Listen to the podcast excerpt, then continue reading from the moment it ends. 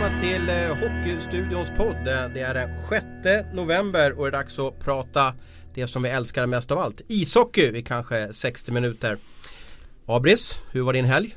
Helgen var det bra Thomas, lite jobb och lite ledigt. Jag krattade löv igår faktiskt gjorde jag. Du vill gärna ha mina privata anekdoter så Ja, men, men vi följer ju också din karriär som hockey, hockeytränare och förhoppningsvis så blir du ju då en, en Scottie Bauman en gång i tiden då. Vad lärde du dig so- som hockeytränare i helgen då?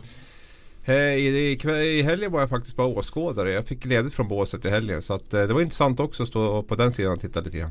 Mm. Och Tellqvist, hur, hur, eh, hur fördrev du din helg? Ja, min son hade faktiskt sin första ishockeyträning i lördags ute på Värmdö Hockey. Eh, tredje gången var han var på is. Får vi se om han tycker att det är om det är kul eller inte. Sen eh, drog frugan till Ullared igår så att eh, hon har fullt ståhej där nere. Vad slutade notan, Ullared-notan på? Ja, den, den tickar nog på fortfarande tror jag. Så att hon ska vara där hela eftermiddagen också. Så den blir nog inte rolig.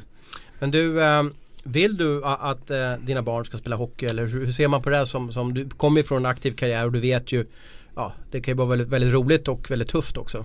Så är det definitivt. Men jag vill att mina barn ska spela hockey om de vill spela hockey. Eh, det är absolut det viktigaste. Eh, jag hade sjukt kul under min karriär och bara liksom inte bara roliga minnen naturligtvis men har man kul så kommer man komma långt. Det är, det är absolut det viktigaste. Var, var han målvakt i helgen eller fick han bara småskydd på sig? Nej, så dum är jag inte så jag sätter framför mål direkt utan han får, han får vara back eller någonting. Och ursäkta Tellqvist men, men du är tyvärr inte största stjärnan här inne idag utan vi har en ännu, ännu större stjärna och en eh, ex-spelare som eh, vunnit sju Norris Trophy, fyra Stanley Cup, VM-guld, OS-guld, Niklas Lidström. Tack, kul att vara här. Ja, otroligt roligt att du kunde komma hit. Eh, första frågan är väl, vad gör du nu för tiden? Eh, jag gör lite olika saker. Jag är involverad i, två företag. Ett i Västerås, ett fastighetsbolag som heter Industrihus och sen en kapitalförvaltning här i Stockholm som heter Case. Eh, tillsammans med Stefan Er- Erberg bland annat och vi fick även med Henrik Stensson här i somras. Just det, vilken vinnartrio. Ja, ja, det är jättekul att dels att jag fick chansen att kliva på men sen att, att Henrik ville hoppa på här i somras också. Mm. Saknar du hockey någonting? Nu hjälper ju yngsta sonen och, och är tränare där med, med, eh, i hans lag i Västerås, är det korrekt? Ja det stämmer, jag eh, hjälper till på isen och står i båset också så att eh, det är väldigt kul. Han är 14 år nu så att det börjar hända ganska mycket i, i den åldern för, för hockeykillarna så att det är väldigt kul. Och sen eh, tycker jag fortfarande om att gå på hockey så att det här suget just när man är på matcherna det kan man få fortfarande faktiskt. Mm. Är du huvudtränare eller ASS-coach eller vad har du för roll? Eh, jag är assisterande coach. Assisterande ja. Ja, vi är ett, ett gäng ska jag väl säga. Vi är faktiskt fem stycken på en ganska bred trupp så att vi får dela upp oss lite då och då. Hur är du som tränare? Jag är nog väldigt... väldigt sansad som du var när du spelade? Ja, jag är nog väldigt, eh, dels är jag så som förälder när jag sitter på läktaren och ser mina grabbar lira men även som som eh, tränare så är jag lite mer att eh, eh, peppa killarna, vill gärna vara med som en lärare kanske än en tränare. Att man försöker lära dem saker på isen och är nog väldigt lugn eh, i båset också. Snyggt. Vi, vi har ju mött, det finns ju en, en eh, TV-pucken eh, tog ju upp det i helgen också att det, det är kanske lite föräldrahets på, på ungdomsspelarna. Har du märkt av den föräldrahetsen? Ja, det tycker jag att jag har märkt av faktiskt. Det, det märks dels under matcher men även i, kanske ibland i periodpauser och även efter träningar eller under träningar också. Så att jag har, jag har märkt av den här hetsen från föräldrar framförallt. Hur ska vi lösa den? Eh, jag, jag tror att vi måste utbilda föräldrarna. Att, eh, jag vet att i, i Västerås så har vi eh, föräldramöten med, med ledarna men jag tror man måste utbilda ännu mer och det tror jag lär nog komma från Hockeyförbundet tror jag. Det är svårare för enskilda klubbar eller kanske även eh, hockeyförbund, eh, regionala hockeyförbund. Så jag tror att Hockeyförbundet eh, på något sätt kan hjälpa till ännu mer och utbilda föräldrarna. Mm. Jag tror att det är jätteviktigt. Ja, det känns som att det, det är så hetsigt. Det känns som att alla vill bli liksom proffs när de är typ 17 år. Alltså vad är, vad är planen liksom? Man vill vara bäst kanske när man är 22, 23, 24 år. Kan jag känna liksom. Det är, det är för mycket sådana grejer. Och en, en av grejerna är ju den här hetsen som pågår är ju när agenterna får gå in och plocka spelare nu redan efter TV-pucken kan jag känna. Alltså flytta fram den agentåldern kanske något år till 17 eller någonting istället för 16 kanske. Ja, det tycker jag också. Det, man, man får se att killarna är under, alltså under utbildning. Det är ungefär Mm. som de går i skolan. De kan ju inte allt när de är 10 år eller 12 år i skolan heller. Mm. Ja, det är likadant med hockeyn. Så det går inte att, att tro att barnet eller, barnen ska bli proffs när de är direkt när de är 16-17 eller, eller spela i SHL eller bli draftade 18 och komma till NHL direkt. Utan det är ju en utbildning som är ganska lång för ungdomarna. Verkligen. Men om jag vore förälder och, och så liksom då ska jag stå och diskutera hockey med Niklas Lidström. Jag skulle ju ge mig direkt och bara okej, ja men du har ju stenkoll för att du har ju lyckats väldigt bra. Men du har ändå märkt av att, att föräldrar är på och kanske går över en gräns hur man ska vara delaktiga i sporten? Ja, jag tycker man ser många som säkert vill hjälpa deras barn och en del tror jag även lever genom deras barn i hockeyn. De kanske inte själv hade en, en, en hockeykarriär eller de kanske inte spelar hockey alls men att de vill gärna vara där och, och peta och, och kanske gräva lite för mycket än vad som behövs. Mm. Ja det är inte bra. Du vi ska gå igenom din karriär eh, och du startade ju den lilla, lilla klubben Skogsbo SK, är det korrekt? Ja det stämmer. Var, var, var ligger Skogsbo SK någonstans? Skogsbo ligger i Avesta. Det är en liten, eh, litet samhälle i Avesta och det var där jag började min hockeykarriär. Jag började spela utom, utomhusrink på naturis eh, och hade väldigt kul. Det var egentligen ett kompisgäng. Vi spelade hockey på vintern och, och fotboll på sommaren och höll ihop eh, det här kamratgänget fram tills jag var nog 14 år tror jag. Eh, då flyttade jag över till den stora klubben i Avesta, Avesta BK. Men jag mm. började då i, i Skogsberg SK. Var du back hela tiden eller var du liksom lite överallt på, på isen? Jag var lite överallt förutom i mål ska jag säga. Mål, det stod man bara när det var landhockey. Fegis. annars, så, annars så visste jag nog bättre. Uh, nej, vi, vi, vi fick spela båda, alla positionerna. Uh, just att det blev back, det var nog runt 12-årsåldern, 13-årsåldern, där någonstans som jag jag upptäckte att jag tycker det var väldigt kul att, att, spela back. Dels ser man spelet väldigt bra där bak men man kunde ändå vara offensiv och, och leda en, en, rush med, med pucken till exempel. Så att, eh, eh men innan dess då spelade jag alla positioner. Vad var skillnaden då, då och nu när du har följt dina söner här när de, får sin hockeyutbildning. Vad, vad, är, vad är skillnaden från, från när du växte upp eh, slutet av 70 och 80-talet och idag och vad, vad, vad tycker du funkade bättre då än nu? Jag tror att det var mer en, en lek för, för alla barn. Att det var inte så jätteorganiserat. Vi hade våra träningar, det var struktur, i, i träningarna men det var mycket lek också. Mycket eh, spontanhockey, man bara tog skridskorna och gick ner till, till närmsta isyta och, och lira. Man mm. spelade mycket landhockey, man var ute väldigt mycket. Det, det skiljer sig naturligtvis från dagens ungdomar också. Men att just det här spontanidrotten är, eh, skiljer väldigt mycket från eh, idag tycker jag. Mm. Jag, jag kan ju känna också att man ska hålla på med fler idrotter också. Det känns väldigt så här, alltså man håller på, håller man på med hockey så håller man på med hockey 365 dagar om året. Mm. Det är också sådana grejer som, som man har märkt när Typ man spelar badminton eller någonting med, med sina lagkamrater nu för tiden. Alla har ju liksom inte den här bollkänslan utan man, har liksom, man är så inriktad på bara hockey liksom. Man kör bara hockeygrejer och håller man på med flera olika sporter så får man ju mycket annat med sig också gymnastik eller dans eller vad det nu kan vara. Så jag tycker att man ska hålla på med fler sporter. Nu är det kanske en omöjlighet för nu för tiden men det är någonting som jag skulle vilja se. Men ändå får vi också. fram fler duktiga hockeyspelare kanske än någonsin. Vi har ju 130 svenskar borta i Nordamerika. Så är det ju definitivt. Men kanske skulle få fram ännu mer om man får liksom lite mer, lite mer andra känslor för andra sporter. Mm. Du när du skulle välja hockeygymnasium eh, Niklas så ville du till Leksand. Men eh, du kunde inte komma dit. Vad var det som hände? Du kunde alltså blivit Leksandsikon egentligen då? Ja, jag, i och med att jag kommer från Avesta i Dalarna så ligger Leksand närmast till hands. Så jag höll ju på Leksand också. Det var mycket, kommer ihåg man åkte med bussresorna från Avesta upp till Leksand och såg matcherna där uppe. Och eh, kommer ihåg man såg ju till och med Uffe Samuelsson som junior med galler på när han lirade där. Eh, så det var min tur att välja så då, då sökte jag, eller jag ville söka till, till Leksand. Men den utbildning som jag skulle gå, eh, fyraårig teknisk, den fanns inte i Leksand utan den fanns bara i Borlänge. Och då skulle jag ha det här pendlandet varje dag. Det var någonting som jag inte ville göra utan då, då sökte jag mig ner till eh, Västerås istället. Mm. Vilken slump, tänk om alla Tänk om Leksands kommun visste det, då kunde man ju ha skräddarsytt en fyraårig teknisk för det. Fyraårig teknisk, jag gick i den utbildningen också och jag hade ju inte eh, alls samma hockeyskill som du hade. Det är ju den tuffaste och längsta utbildningen man kunde välja eh, på, på 80-talet. Varför valde du den? Varför valde du inte jag ska bli hockeyproffs?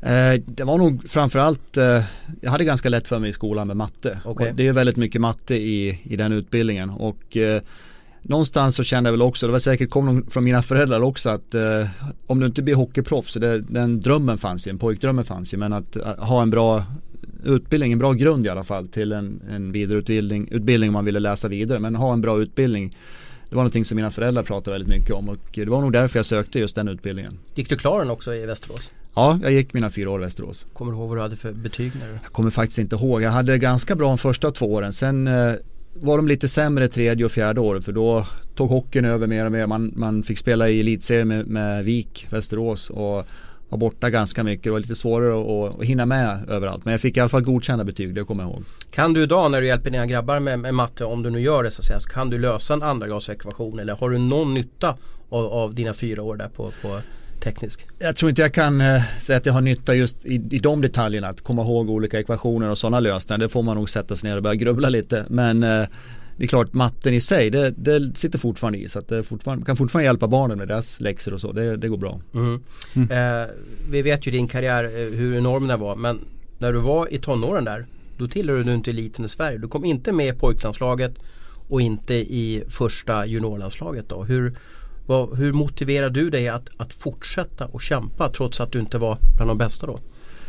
Det var nog framförallt kärleken till hockey. Jag tyckte det var så otroligt kul att spela och eh, jag ska nog inte säga att det var ett mål att spela i, i pojklandslaget eller i, i första i landslag, juniorlandslagen i början där utan det var nog mer att man insåg att man hade chansen när man eh, blev uttagen på vissa läger. Innan dess var det mer att jag tyckte det var så otroligt kul att spela hockey. Det var kul att eh, spela juniorhockey i Vik så att min, mitt mål var inte att spela i, i något landslag i den åldern utan det var mest att utvecklas som spelare men har, har fortfarande väldigt kul när jag spelar. Men du vart inte besviken när, när, när du hörde det tillslutas omklädningsrummet att någon annan hade kommit, blivit uttagen och sen Nej, inte besviken, det är klart man skulle ha varit kul att varit med i, i, i lite tidigare men jag kände ju att, att, min utveckling så blev jag bättre och bättre och det var ingenting som jag hade i bakhuvudet att jag, ja, nästa gång måste jag komma med i landslaget utan det var mer att eh, en bonus nästan. Att man spelar väldigt bra, man komma upp i J20 och spela lite matcher det andra året. Fick med A-laget till och med andra året. Så att, eh, allt föll på sin plats då bara.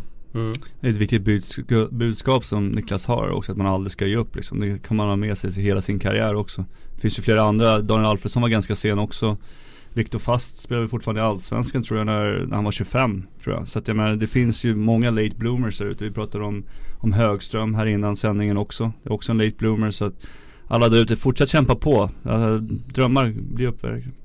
Ja, och även killar som var stjärnor i ja, i, Leksand eller Mora, de lagen som man mött i pojk, pojkåldern, när man var pojk eller eh, U15, U16. Mm. Eh, som var kanske bäst i, bland de bästa i Dalarna. De kom inte så mycket längre så att det är inte att man måste vara som bäst när man är 14-15 utan många utvecklas ju senare. Mm. Dels kroppsligt men även eh, mognadsmässigt i huvudet också. Så att eh, det är absolut ingen nackdel att man inte är en toppspelare i pojkåldern. Nej, jag håller med. Får man kämpa lite extra. Och du Tellan kom ju inte heller med i, var backup i, i... Ja, jag blev till och med skadad precis innan junior-VM. Eh, Andreas Andersson som, eh, som målvaktstränare nu i, i Växjö var ju eh, han som jag fightades med som, som var första keeper där. Och eh, TV-pucken var likadant. Det var Björn Bjurling som var första så att då var jag andra också. Så att jag har fått kämpa lite grann också. Så jag tycker att det, bara för att man inte kommer med i de här stora tävlingarna, TV-pucken och, och, andra grejer. Så fan fortsätt kämpa. Tycker man fortfarande att det är världens roligaste sport så kommer man ta sig långt så är det. Sedan vart en flytt över eh, Atlanten till Detroit då och 1800 matcher totalt då i både slutspel och grundserie då. Vad, vad är dina främsta minnen från, från NHL-tiden?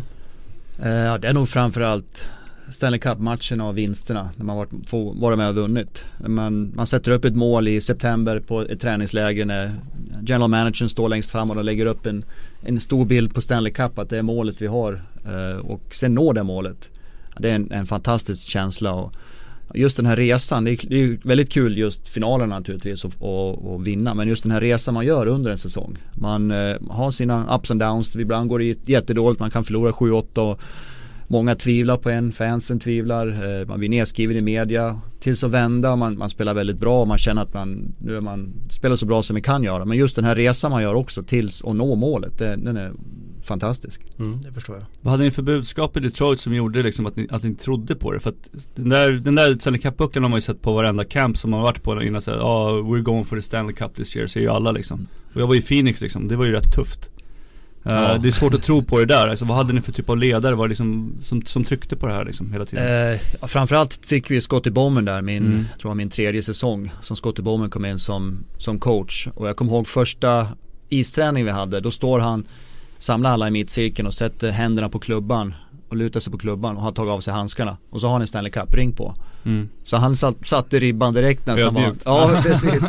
eh, och Scottie Bowman som var en legendarisk coach som hade vunnit massa Stanley ja. Cup med Montreal och även Pittsburgh där innan han kom till oss. Så att eh, jag tror han instiftar här att känslan att vinna hela tiden. Han gjorde några trades i, i tidigt när han kom för att få spelare som han ville ha, kanske ta bort de som han inte ville ha och sen, sen byggde han från grunden. Och jag tror en viktig sak som under hela den här resans gång också, det var att vi förlorade en Stanley Cup-final 95. Mm. Vi spelade jättebra fram tills eh, finalen. Eh, och därför torskade vi fyra raka mot eh, New Jersey Devils. Mm. Och jag tror att det hjälpte oss lite grann eh, just den här ödmjukheten att det kommer inte gå på, som på räls hela tiden. Jag tror vi lärde oss väldigt mycket just i den förlusten att det krävs ännu mer för att nå hela vägen. Så att det var nog ett, ett, ett, eh, ett hjälp på vägen tror jag att förlora en final faktiskt. Den här vinnarinstinkten tänker jag på. Alltså, du har ändå vunnit otroligt mycket. Har den alltid funnits där? Som Peter Forsberg kände man ju någonstans att han var ju så från början. Hur har det varit för dig? Fanns den där redan när du var ung eller har det liksom växt under, under karriären? Ja den fanns till viss del men jag tror den har vuxit under dels eh, ja, när man blev äldre och man, man eh, fick lite mer erfarenhet så jag tror den har vuxit eh, med tiden. Man, man var ju jätte jättetjurig och så när man förlorade i, i pojkåldern också men jag tror den har vuxit ännu mer när man blev äldre och man insåg hur viktigt det var. Så att den, den har nog vuxit och blivit större och större ju, ju längre man har gått i karriären. Men du var en ganska dålig förlorare även när du var tonåring? Ja det var jag. Man kommer ihåg vissa förluster man var i som A-pojkspelare när man var 14, 15, 16 där. Att, eh, då var det var nog någon gräns där ska jag säga. Att då man inser att fast det var inget roligt att förlora. Då, då kom nog den här känslan att man inte vill, vill vara på den förlorande sidan. Men, men det känns som att du är lite som Björn Borg, lite, lite såhär Mr Ice, att du inte visar så mycket känslor. Visade du känslor när du var, var, var tonåring då? Slog du av klubban eller, eller var du så att du bara gick in och, och kritiserade dig själv inombords? Ja, jag tror jag alltid har, har varit så. Varit ganska lugn utåt sett. Klart ibland har det, har det kokat inombords. Men jag varit, jag har sällan, eller aldrig ska man säga, slagit av klubbor eller visat känslor på så sätt. Utan det är nog mer att man har bitit ihop och sen har man sagt till sig själv att du kommer tillbaka och gör det bättre nästa gång eller Men jag tror jag aldrig har haft dem att jag visat känslor utåt på så sätt. Du, om du ska minnas tillbaka till din karriär, klubb i Detroit, alltså själva klubbmeritmässigt, vad, vad är det du lyfter fram som det där var det roligaste jag varit med om. Det där var absolut det som jag kände att då, det då var hockeylivet som bäst i Detroit. Eh, Det var nog, eh, ska vi säga runt 96, 97, 98 där när vi hade ett fantastiskt lag. Och det var inte många spelare som byttes ut utan eh, vi hade en, en kärna som var väldigt duktig. Eh, vi hade en otroligt ledare i Steve Eisenman, vi hade Fedorov, Shanahan kom till oss. Eh, så vi hade ett otroligt starkt lag. Och just känslan att förlorar vi en match så vi kommer inte att förlora två på raken. Och vi hade en säsong där, jag tror det var 95-96 den säsongen när vi vann 62 matcher. Oj. Jag tror det fortfarande är ett, ett rekord i NHL. Så att man hade den här känslan att vi vi kommer inte att förlora många matcher på raken. Det är klart det skedde väl någon gång men just den här känslan att gå ut inför varje match och veta att vi ska ut och vinna den här matchen. Den, den var den känslan.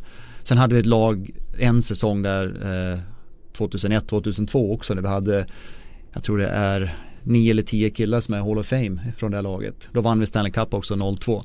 Men det laget var också ungefär samma känsla att vi vi, vi vägrade att förlora. Och vi hade många superstjärnor som tog mindre roller för att, för att vi skulle kunna vinna i slutändan. Mm. Men måste ha haft en bra ledare då som kunde styra upp dem då, så det inte blev någon tjafs. Då hade vi Scottie Bowman Mm. och eh, Brett Hull som är en väldigt färgstark person och, och spelar väldigt mycket i, i andra lag. Han anpassade sig också till, till den rollen som han fick. Mm. Och, och jag vet att Scottie Bowman helt plötsligt lät Brett Hull spela boxplay, alltså döda utvisningar som han har aldrig, har gjort tidigare. Han, han, nästan, han blev nästan stolt och re, han som rätar på ryggen för att han aldrig fått en sån uppgift förut. Så Mm. Scottie hade lite sådana här trick som man kunde Mm. eh, ha med spelare ibland. Och sen blev de nästan bästa polare de två också. Det kunde man inte heller tro. Nej, Brett är ganska speciell som Ja. människa också. verkligen. Ja han är speciell och frispråkig också men Ja. Nej, men- Klassisk målskytt, är det inte så Vatten? Jo det är han absolut. Det är han. Mm. Du, du Niklas, du hade ju väldigt många eh, backkamrater under din tid. Vad, eh, vad försökte du lära dem? Eller, eller första veckan som ni taggade ihop där. Vad försökte du liksom eh, utbilda dem och, och göra? Det var nog just det här uh, samspelet två backar emellan när man ska kliva fram eller hur, hur nära man ska ligga varandra i spelet. Eh, mycket i egen zon, alltså hur ska vi agera i egen zon. Eh, så att man hjälper varandra hela tiden. Och sen att man inte försökte alltså, komplicera saker för, för mycket. Jag vet att om man fick en, en yngre spelare så eh, försök inte hålla i pucken för länge utan om du lägger över pucken till mig då kommer du få tillbaka den men gör det spelbar. Men håll inte i pucken för länge. Kladda inte med pucken. Nej, precis. Den Don't dust it off brukar Mm. en, en, ska en coach säga. Mike Babcock. Alltså håll inte på att dribbla för mycket utan spela enkelt, lägga upp pucken. Du kommer att få tillbaka den. Och sen eh, att man måste börja spela matcher tillsammans för att veta hur han agerar i olika situationer och just få det här samspelet. Det, man har ju haft ganska många olika partners genom åren och just det här samspelet har varit viktigt för att man ska kunna lyckas tillsammans. Mm. Du måste ju haft olika partners för jag, jag kollar upp lite statistik här, men statistiknörd men Säsongen 2005-2006 så spelade du 28 minuter i snitt. Då måste du ha spelat med tre olika partners men det var på isen hela tiden. Hur orkar du det en hel säsong? Det är ju helt fantastiskt. Du måste ja. ha haft 75 i VO2 eller sån här syretörisk för att orka med det. Ja, jag fick spela väldigt mycket och det var nog att man Dels blev man van med att spela mycket och man lärde sig att när man skulle vara offensiv, kliva fram, följa med upp i anfallen eller när man skulle ta det lite, lite lugnare så att säga. Men man fick alltid börja ett powerplay, alltid mm. börja ett boxplay. Så att man visste att man inför en match visste att nu kommer jag få spela mycket. Så att det gäller att inte alltså, tjuvrusa för mycket i början. Mm. Och sen eh, du måste vara vältränad. Du måste han som har tränat, skött träningen under hela sommaren för att orka spela de minuterna match ut och match in också. Mm. Hur viktig var den här lockout-säsongen året innan där? För du tog ett break helt då. Hur, hur viktig var den för liksom, resterande del av karriären där, tror du? jag tror det var väldigt viktig faktiskt. Jag tror att eh, dels hade jag fyllt 34 tror jag var då. Och jag tror att många utav mina kompisar åkte hem till Sverige och spelade i SHL eller åkte till Europa och spelade. Men jag valde att vara kvar i USA. Vi hade barnen kvar i skolan. Jag tror just det här breaket man fick från resandet matcher över 80 matcher varje säsong. Jag tror det hjälpte alltså att man fick tillbaka en energi och orka kanske spela lite längre i ens karriär också. För det är inte så vanligt att man har ett helt sabbatsår där som, som spelare på, på den nivån. Sen kommer du tillbaka i 80 poäng tror jag var någonting och 28 minuter snittar där. Alltså det var ju eh, en enorm säsong där året efter. Ja, man funderar lite grann på vad du höll på med. ja, man kan väl säga att jag skötte träningen hela, hela tiden då. Mm. Uh, jag, jag, tror vi var på is. Det var några killar från Dels från Detroit men andra killar som spelar i andra klubbar som bor i Detroit på sommaren som, som åkte hem då. Så vi var nog en 15-20 stycken, ibland kanske bara 10 som var på is. Men vi var på is i alla fall tre dagar i veckan för att hålla, hålla igång. Och vi visste ju inte förrän fram i slutet på januari eller mitten på januari om det skulle bli säsong eller inte. Så man var ju tvungen att hålla sig i, i form hela tiden. Men jag tror att, att det hjälpte också. Och sen eh, jag fick en tränare som verkligen trodde på mig. Alltså jag fick spela alla situationer och det var inga krusiduller utan de, de satte ut mig på isen hela tiden bara. Eh, hur motiverar du dig själv att sätta dig på cykeln där i typ vad man väl börjar i juni eller någonting efter. Du har ju vunnit fyra Stanley Cup, du har sju Norris Trophy liksom. Du har ju prenumererat på den där Norris Trophy. Vad var det som fick dig att trigga igång när du satte dig på cykeln i juni att fan i år ska jag slå, var det slå egna personliga rekord eller var det bara liksom? Ja dels det och sen eh, jag tror komma tillbaka, jag, jag tror min mindset var, ska komma tillbaka och vara lika bra som förra året. Mm. Och det är klart, det var, inte, det var inte lätt alla gånger att sätta sig på cykeln eller ut i spåret och springa och börja lyfta vikter. Och mm. Jag hade aldrig en, en, personlig tränare. Jag tränade lite grann med, med en, en, PT i Detroit innan man åkte hem på sommaren. Men under sommaren så tränade jag alltid själv. Det kunde mm. vara några proffs som, som träffades eller vi tränade på samma ställe. Men jag hade aldrig någon, någon PT som tränade mig. Så att, eh, det var nog just det här att jag ville komma tillbaka och vara lika bra igen som jag var året innan. Mm. Och det var en viss morot och har vunnit en, en Norris Trophy till exempel. Att komma tillbaka och bevisa att jag, jag ska banne mig vara där igen. Mm. Så att eh, det är nog det som har, man som pushar mig hela tiden. Och sen det jag älskar det jag gjort. Mm. Jag har inte känt att, att jag måste åka och spela match utan jag har tyckt det varit kul hela tiden. Ja, det är en unik egenskap. Det är ju liksom som Roger Federer också liksom här som bara fortsätter och vinner och vinner och vinner och vinner liksom. De älskar liksom sporten. Det är ju det som många återkommer till och det är häftigt. Det känns som att du har noggrannhet i dig. Uh, har, du, har, du, har du fått ett inre driv som har fått den noggrannheten som du var även bra på skolan och, och, alla tider. Du passar alltid tider och så vidare. Man vet alltid att du kommer, du kommer leverera. Är det någonting du har fått från föräldrarna eller har, fått, eh, har det liksom blivit någon typ i ditt, ditt kompisgäng när du var yngre att man ska vara noggrann och passa att alltid vara där? Nej, jag tror mycket från mina föräldrar att dels sköta sig när du är i skolan eller mm. när du är på träningar och så att det tror jag att man har haft med sig från en yngre ålder när man var eh, väldigt ung och sen tror jag det har vuxit fram. Jag eh, har fått en viss rutin hur jag ska dels sköta träningen på sommaren, eh, hur jag ska förbereda mig för matcher. Och sen, vad har du för tips där? Om du tar bara förberedelse inför matcher då? Vad gör du där som du kan lära ut till alla som lyssnar på det här? Eh, jag var alltid så fokuserad, jag hade en viss rutin. Jag och Thomas Holmström åkte och käkade på samma ställe. Det behöver man ju inte göra naturligtvis men eh, när jag kom till ishallen så hade jag en viss rutin när jag, vi hade våra, våra möten men däremellan så skulle jag vilja tejpa min klubba så att jag gjorde en, en, nästan samma sak hela tiden för att förbereda mig och det var nog mer mentalt också att jag gick igenom de här grejerna för nu visste jag att nu var det match. Så jag förberedde både kroppen och även huvudet också att, att, att det var match. Så att det, den rutinen hade jag. Andra killar vet jag vill vara gärna avslappnade och inte, inte tänka så mycket på eh, vad man ska göra innan man kliver ut på isen. Jag var nog tvärtom. Jag ville vara så förberedd som möjligt. Så när jag klev på isen då visste jag allt. Vad, alla möten vi haft, allt man går igenom, hur man ska spela och så. Eh, så att det var den, den förberedelsen som jag hade då. Så du hängde med Homer där på matchdagarna då. Var han lika noggrann som du eller vad hade han för rutiner? Jag får en känsla av att han inte var lika ja, Jag har ju pratat med några av dina lagkamrater bara innan här också. De har ju sagt också att ni åkte alltid till matcherna tillsammans och, och sådana grejer också och hängde liksom. Så det måste ju varit någon kemi som ni har haft för han stod ju ändå framför mål och gjorde ett jäkla jobb. Liksom. Hur, ja. hur tränar ni tillsammans där liksom? Hur får det att stämma? Bara en sån detalj, ja, vi tränade efter träningarna, i stort sett varje träning stod jag, stod jag och sköt slagskott och, och Homer stod framför mål och styrde eller och kanske styrde på både på backen och forehand-sidan och så den, den kemin hade vi där. Sen var vi, vi blev väldigt bra kompisar ganska mm. tidigt när han kom till Detroit i mitten på 90-talet, där 96 tror jag han kom. Uh, våra fruar var bra vänner så att vi bodde nära varandra så att det var väldigt smidigt att vi åkte tillsammans och, och tjejerna åkte tillsammans mm. ner till matcherna. Så att vi har, vi skapar nog en väldigt bra kamratskap Käkar väldigt tidigt. Käkar ni på samma restaurang också? Varje dag, vart det så alltså inför match? Ja, kanske de sista 5-6 åren var vi säkert på samma ställe. Vad var det för lyckomat då? Det måste vi kunna hjälpa Chelios någonstans, låg i Detroit eller? Nej, det var ett, ett pastaställe. Okay. Och jag tror jag åt samma Spaghetti, köttfärssås, palaminosås och köttfärssås, en blandning där, okay. en lokal blandning. Och Lite ranch dressing eller? Nej det hoppar jag över, en sallad tog jag, ah, okay. en caesarsallad tog ja, jag. Snyggt. Homer, han kunde ändra lite grann i alla fall för han var lite mer vidskeplig. Så hade inte han gjort mål några matcher då, ah, då måste han byta, gör inte, ta, något, ta något annat. Så.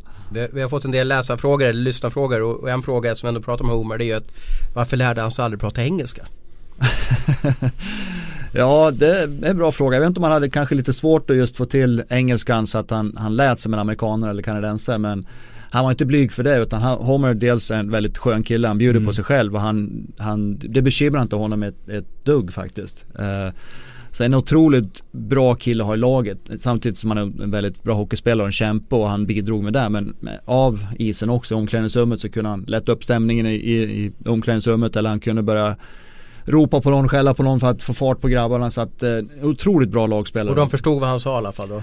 Ja, en del började skratta lite grann åt det men de förstod innebörden i alla fall. Mm. Du blev ju aldrig arg på honom för jag menar, han har ju ändå stått i målgården ett par gånger också när pucken gått in och trasslat in sig i målvakten också. Så. Jo, då, det har varit både och. Han, ja. han skäller på mig för att jag inte skjuter för mycket och jag skäller på honom för att han kunde ibland lyfta upp ett ben och så ta, styra bort den som är på väg in eller ja. står i målgården. Så att det var nog bara Så du skulle haft mer mål egentligen om det inte var för alls? om man slår ut det på en hel karriär så han nog, han har nog bidragit väldigt mycket till att jag har gjort mål också. För han har stått och skymt väldigt ja, många. Men... Vad hade ni för kemi då? Alltså när, han, när du fick pucken, hur, hur hann ni titta på varandra vilken sida du skulle skjuta eller vad hade ni för, för grejer för er på isen? Ja, dels så Thomas var väldigt bra på att läsa var, ungefär vart skottet kommer att komma. Han, han var ju väldigt bra, kanske Uthällan kan mm. intyga att, att när, när pucken förflyttades från en sida till, till en annan efter blålinjen så var ju Thomas väldigt bra att flytta och skymma målvakten hela tiden. Han var inte en sån som stod bredvid målvakten och skulle styra utan han stod verkligen i målvaktens ansikte framför honom. Han stod precis utanför målgården hela tiden med, med hälen och på skridskon. Så, att, så domaren kunde ju liksom, var ju tvungen att titta på hans skridsko hela tiden. Så att, sen körde han in sin jävla rumpa bakåt också. Så att man åkte fram så tacklades man ju på honom också hela tiden. Så att, nej, det var, han var, han Men varför, inte, varför var det inte en back som tryckte bort honom då? De orkar, han är så jävla stark där framme. Han var va? så ja. som en hösäck bara så stod de fick inte bort honom. Så stod han med sin raka klubba liksom och styrde in folk. Och speciellt när han har fått positionen först, det var svårt att få bort Homer. Mm. Uh, men han var väldigt bra på att läsa var jag skulle skjuta någonstans. Han kunde se om jag skulle skjuta forehand och ibland kunde man ju läsa att han ser att skymmaren eller killen som ska blocka skottet är Eh, jag, jag, kan inte träffa mål. Så han kunde flytta lite, lite grann på sidan om målet för att, att här kommer pucken att komma ungefär. Mm. Så han var väldigt, vi, vi, vi spelade ihop i 15 år så han var ju väldigt, vi var väldigt bra på att läsa av varandra vad som skulle ske. Men eh, just hans känsla att vara på rätt ställe hela tiden framför mål var ju otroligt. Du måste ju dra den storyn också innan vi avslutar Homer-kapitlet här. Uh, han blev av med sitt nummer 15 och, och fick ju då, eh, vill ju ha 96 då som han blev starkt förknippad med, med Detroit. Men det var ju speciellt där innan han fick 96 då när han blev inkallad till Scottie Bauman där. Ja, Scottie kallade in honom och eh, våran trainer eh, var med också, våra materialare för att jag tror han ville ha någon, någon att berätta den storyn för Scotty men Scotty frågade i alla fall vilket nummer han ville ha. För Mironov hade kommit till oss från Anaheim och tog hans nummer 15. Så att eh, Thomas sa att äh, det var kul att ha nummer 96. Ja varför det? frågade Scotty. Ja men 96 var året jag kom till eh, Detroit så. Då sa Scotty, men ska du inte ta 98 istället? Och det här var våren 98. Men ska du inte ta 98 istället? Ja, varför det? Ja men det är året du lämnar Detroit. Då sa han med straight face alltså, han skrattade ingenting så. Så den här, äh, våran materialförvaltare som stod där, han höll sig ungefär fem sekunder. Så jag började mm. gapflabba. Då, då förstod Homer att ja, det kanske var ett skämt men han trodde han var på väg bort där. Då var man, var man nog inte så stöddig i Holmströms kläder i alla fall. Nej, då tror jag han var ganska tyst faktiskt. Du, då har vi gått igenom matchdagarna, en noggrannhet, göra samma rutiner och så vidare. Om det är många som sitter och lyssnar här och vill ha hur ska man bli bättre som hockeyspelare? Finns det något generellt man kan säga att hur man ska utvecklas som hockeyspelare? Eh, om man börjar med på sommaren, alltså träna bra mm. och inte, inte ta några genvägar på sommarträningen för att det, det kommer man att ha och känna, eller känna av då i, under hockeysäsongen. Och sen att träna på många olika saker. Skridskoåkning är ju framförallt eh, väldigt viktigt. Eh, mycket klubbteknik, sådana saker. Sen om man vill, vill bli back. Mycket vändningar, inte, lära sig att inte tappa fart. Och när man kommer upp lite i åldrarna, eh, lite mer detaljer i spelet. Ja, spelsinne framförallt, alltså man kan läsa av situationer. Det kommer ju oftast lite med rutin också, de som kanske inte har det riktigt i en början med. Så att eh, hockey är en väldigt dynamisk sport. Vi behöver ju vara duktiga på många saker för att klara av att spela. Eh, så att eh, jag tror träna på mycket saker men framförallt skridskoåkningen. Det är just i dagens hockey framförallt att du måste vara duktig skridskoåkare. Det går ju så undan där ute. Ja det går jättefort. Så jag tror om man, om man har det och sen eh, man har lite spelsinne med sig också. För det är de som är lite kyligare, törs hålla i pucken lite längre eller vågar slå de här öppnande passningarna. Det är, där, det är de som fäller avgörandet vanligtvis. Hur blir man bättre på skridskor då? Eh, jag, jag, tror det är att träna. Alltså ja. kör inte bara ren, alltså då åker du fram och tillbaka utan man kan ju olika, det finns många olika hoppövningar. Det finns, man använder in och utsida på skridskon. Eh, just att man nöter sådana här detaljer och jag vet att på, på YouTube finns det väldigt mycket olika klipp man kan se. Eh, även tränare också kan se, man kan få hjälp att träna just de här detaljerna. Jag funderar på hur lätt har du att lära ut? För det är absolut en av de absolut världens bästa backar genom tiderna. Så det behöver ju inte innebära att man automatiskt kan lära ut för andra. Hur känner du där? Hur, hur lätt har du liksom att lära ut dina eh, kvaliteter till andra? Ja, när man eh, har varit med på lite olika nivåer. Men när man, den nivån nu, 14-åringar, så försöker man vara så pedagogisk som möjligt. Inte Eh, det är lätt att börja rita på en tavla och vi som har varit i hockey länge vi kan rita väldigt snabbt och förstår direkt vad vi menar. Men vissa killar i den här åldern de, de har inte varit med om det här. De förstår inte så man måste göra lite, vara lite mer pedagogisk och bryta ner lite mer och göra lite förenkla saker och ting. Och sen när man kommer upp lite mer i åldrarna så att eh, då, då blir det lite mera som jag sa lite mer spelförståelse, försöka lära dem hur läsa av vissa situationer eh, som back då kan vara att man ska upp i banan mer istället för att kanske slå ett uppspel och sen titta vad som händer utan sådana lite små detaljer att man måste reagera lite snabbare.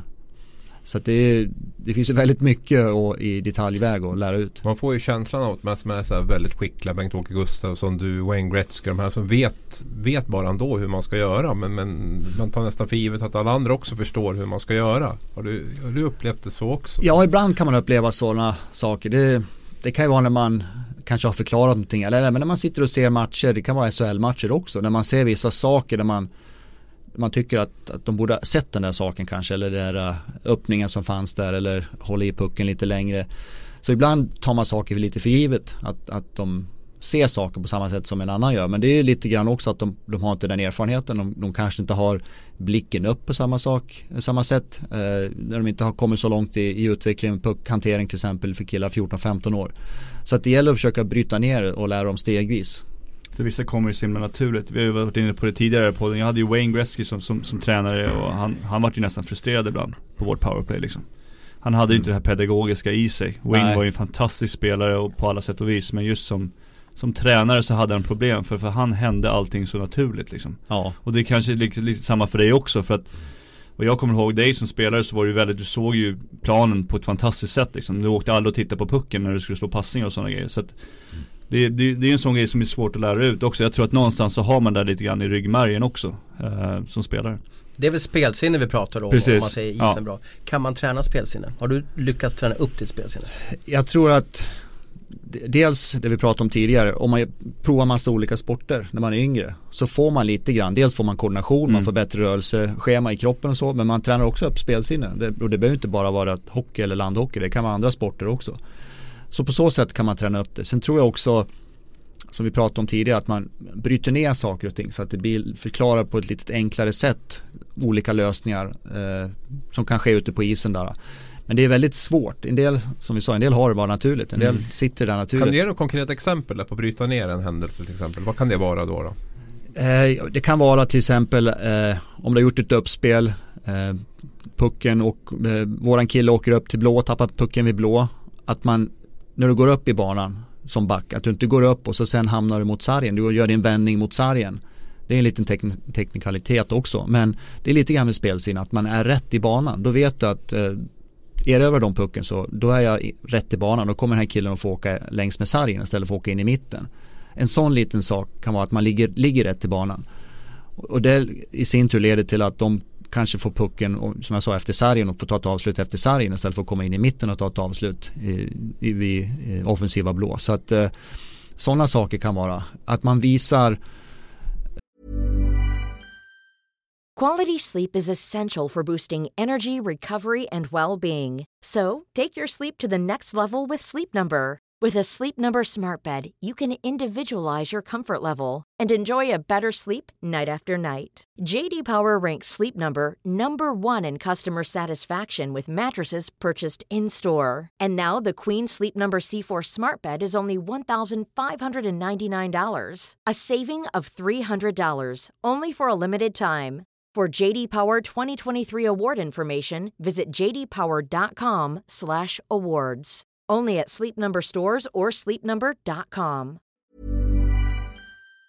Uh, eh, spel en mot en eller kamp i hörnet. Att man är på rätt sida. Att man uh, en kille har pucken i hörnet han åker upp efter sargen du som back vet att han har två alternativ här. Antingen kan han köra runt och komma in på insidan eller också slå han ett hårt stopp och så åker han efter sargen. Att, att man lär om de här grejerna att det är lite grann vad, vad kan den här killen göra med pucken?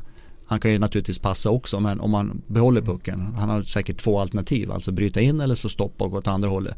Att de har det med sig hela tiden också. Det blir också lite grann spelsin att man vet ungefär vad tror den här killen kommer att göra eller kan göra. En del tänker bara att han kommer att bryta in och tar den eh, in mot mål upp över cirkeln om vi säger så. Och en del är bara där. Och så slår han stopp och så går han in åt andra hållet. Och så, ja men det tänkte jag inte på att han kunde göra så. Utan man hela tiden har en, att han har nog två alternativ just nu. Mm. Det kan vara en liten detalj i det. Mm. Du, eh, om något år så, och din yngsta grabb, då är han på något sätt klar. Då är han inne på junioråldern och, och då kanske du eh, inte är hockeytränare för dina, dina kids längre. Vad vill du göra i framtiden eh, som, som profession när du, eh, när du inte är ungdomstränare längre? Eh, om vi tar inom, inom hockeyn så jag har nog inte satt upp något mål direkt utan jag har eh, eh fått lite förfrågningar om att hjälpa till på lite högre nivåer. Eh, just nu har jag som, som, du sa, just nu har jag min, mina barn som jag är aktiv i och hjälper till där. Men jag tror någonstans så kanske det finns ett intresse att, att ta klivet högre upp och vara med lite på högre nivåer också. Jag var med lite grann i World Cup förra året som, som rådgivare bara. Men det var kul att komma lite närmare hockeyn på, på en sån hög nivå. Så att det, det, jag har inte stängt några dörrar till att kanske komma in på junior eller seniornivå om något år. Vilken del av hockeyn är det som lockar dig? Är det att vara sportchef eller att vara, vara på isen och vara tränare eller vara agent? Eller vad är det som du triggas av?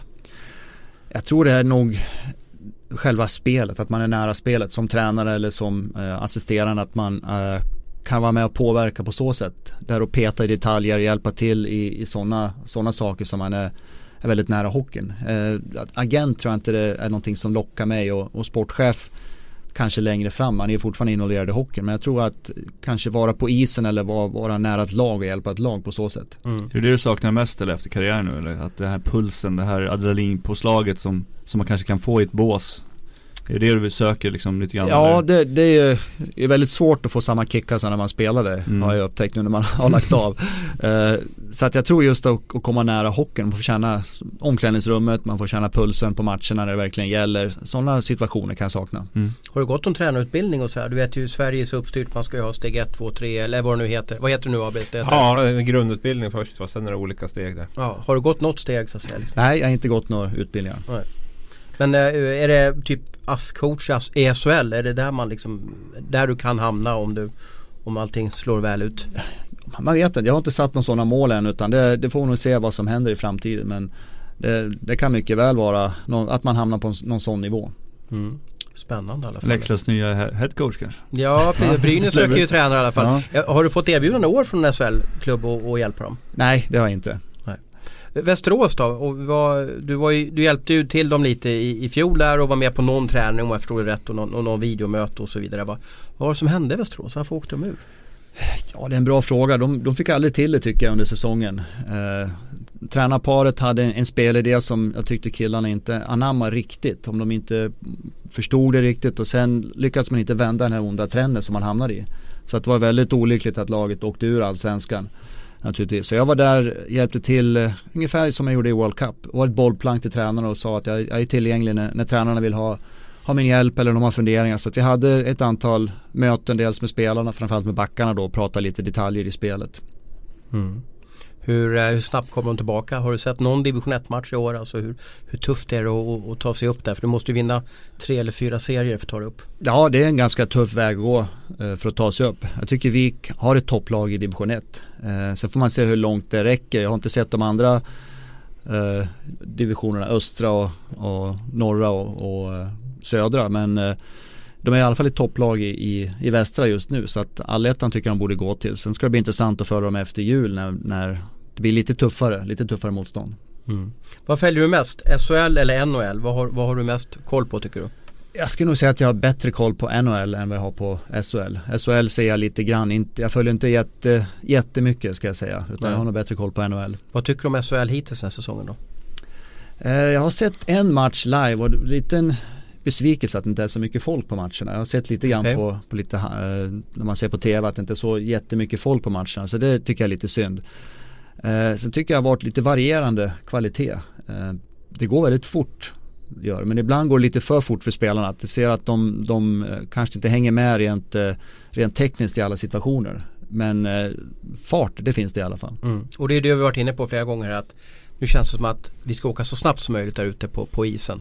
Att det handlar om snabbast laget vinner hockeymatcherna. Men det, det är ofta budskapet från tränarna också. Det är ju liksom man ska sätta hög press liksom. Man ska snabbt, fort, fort fram liksom och sätta hög press på motståndaren hela tiden. Så att det kommer väl lite från, från ledarna också. Ja det tror jag, det, absolut. Definitivt. Så att uh, det är nog inte bara spelarnas fel men jag skulle sagt, jag är lite inne på, på Wikegårds, han har ju sagt att lite mer känslor, lite mer tacklingar skulle vara kul att se faktiskt. Lite mer tanke kanske framförallt. Det känns som ett ganska enkelt sätt att spela hockey. Lite grann som att vara destruktiv förut så är det här också ett sätt att vara mm. destruktiv. Att man bara pressar, pressar, pressar, pressar hela tiden. Det ställer ju inte så jättestora krav på det konstruktiva spelet. Och där kan man ju sakna lite grann. Jag tror någonstans att pendeln kommer att svänga tillbaka. Förr eller senare i alla fall. Till att det blir lite mera baserat även på, på spelintelligens och mm. passningar. För som det är nu idag så flyger pucken som ett flipperspel i 8 av 10 matcher ungefär. Liksom. Och det är inte så jättekul att titta på. Jag tror också det finns en viss rädsla för att hamna långt ner i serien eller vara på kvalplats. Och, och den rädsla, rädslan finns nog också. Så att tränarna vill inte förlora matcher. Kanske mer än att man vill vinna matcher. Mm. Om, det, om det makes sense. Att, mm. att de, ja, det gör det Att de eh, har en viss oro till att släppa till för mycket bakåt och så. Ja, man har mycket ansvar för inte bara sina egna spelare utan en hel organisation liksom. Det är ju små, små företag, folk är på kansliet och sådana grejer också. Så det är ju otrolig skillnad på pengar om man skulle åka ur. Alltså det är ju nästan läskigt. Jag vet inte, det var en GM förra året i NHL vet jag som sa det att nu har vi liksom kommit till en punkt där farten är viktigare än spelsinnet ungefär. Det känns nästan lite sorgligt att höra det på, på ett sätt. Men är det samma i, i, i NHL menar du? Ja, så det var, jag kommer inte ihåg vilken GM det var som sa det förra året. Men, men det, det var någon och eh, när de signalerna därifrån också så är det ju lite så här lite oroväckande tycker jag. Ja, jo men det, det är lika som, som Tellan sa här att coacherna pratar mycket om att ha hög fart. Eh, man ser lagen är ihopsatta med, med hög fart. Eh, om vi går tillbaka till de som har vunnit de senaste två åren, Pittsburgh. De har ju väldigt hög fart. Mycket spelare som kanske inte är jättestora spelare men de har hög fart. Men ändå har de här stjärnorna som är avgörande när det behövs. De har ju Crosby, Malkin, Kessel klev in där och, och fick chansen också. Så att eh, jag tror ändå, jag hoppas att de här, de som är matchavgörande, det blir lite grann de som sticker ut, som har lite eh, skickliga spelmässigt. Du, du noterade publiksiffrorna eftersom du har 20 år borta i Nordamerika eh, bakom dig eh, Eh, och du vet hur de tänker med publik. Hur ska vi göra i SHL och kanske även Hockeyallsvenskan för att få mer åskådare till matcherna? Ja, väldigt svår fråga.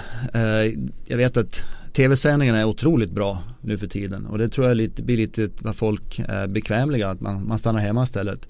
Det de är bra på i NHL det är just att, att det blir en, en show runt hela evenemanget. Inte bara själva matchen, att man går dit och tittar på matchen utan det blir en, en liten upplevelse att se. Det blir en underhållning att se hela, hela eventet. Det, det händer någonting i hallen hela tiden.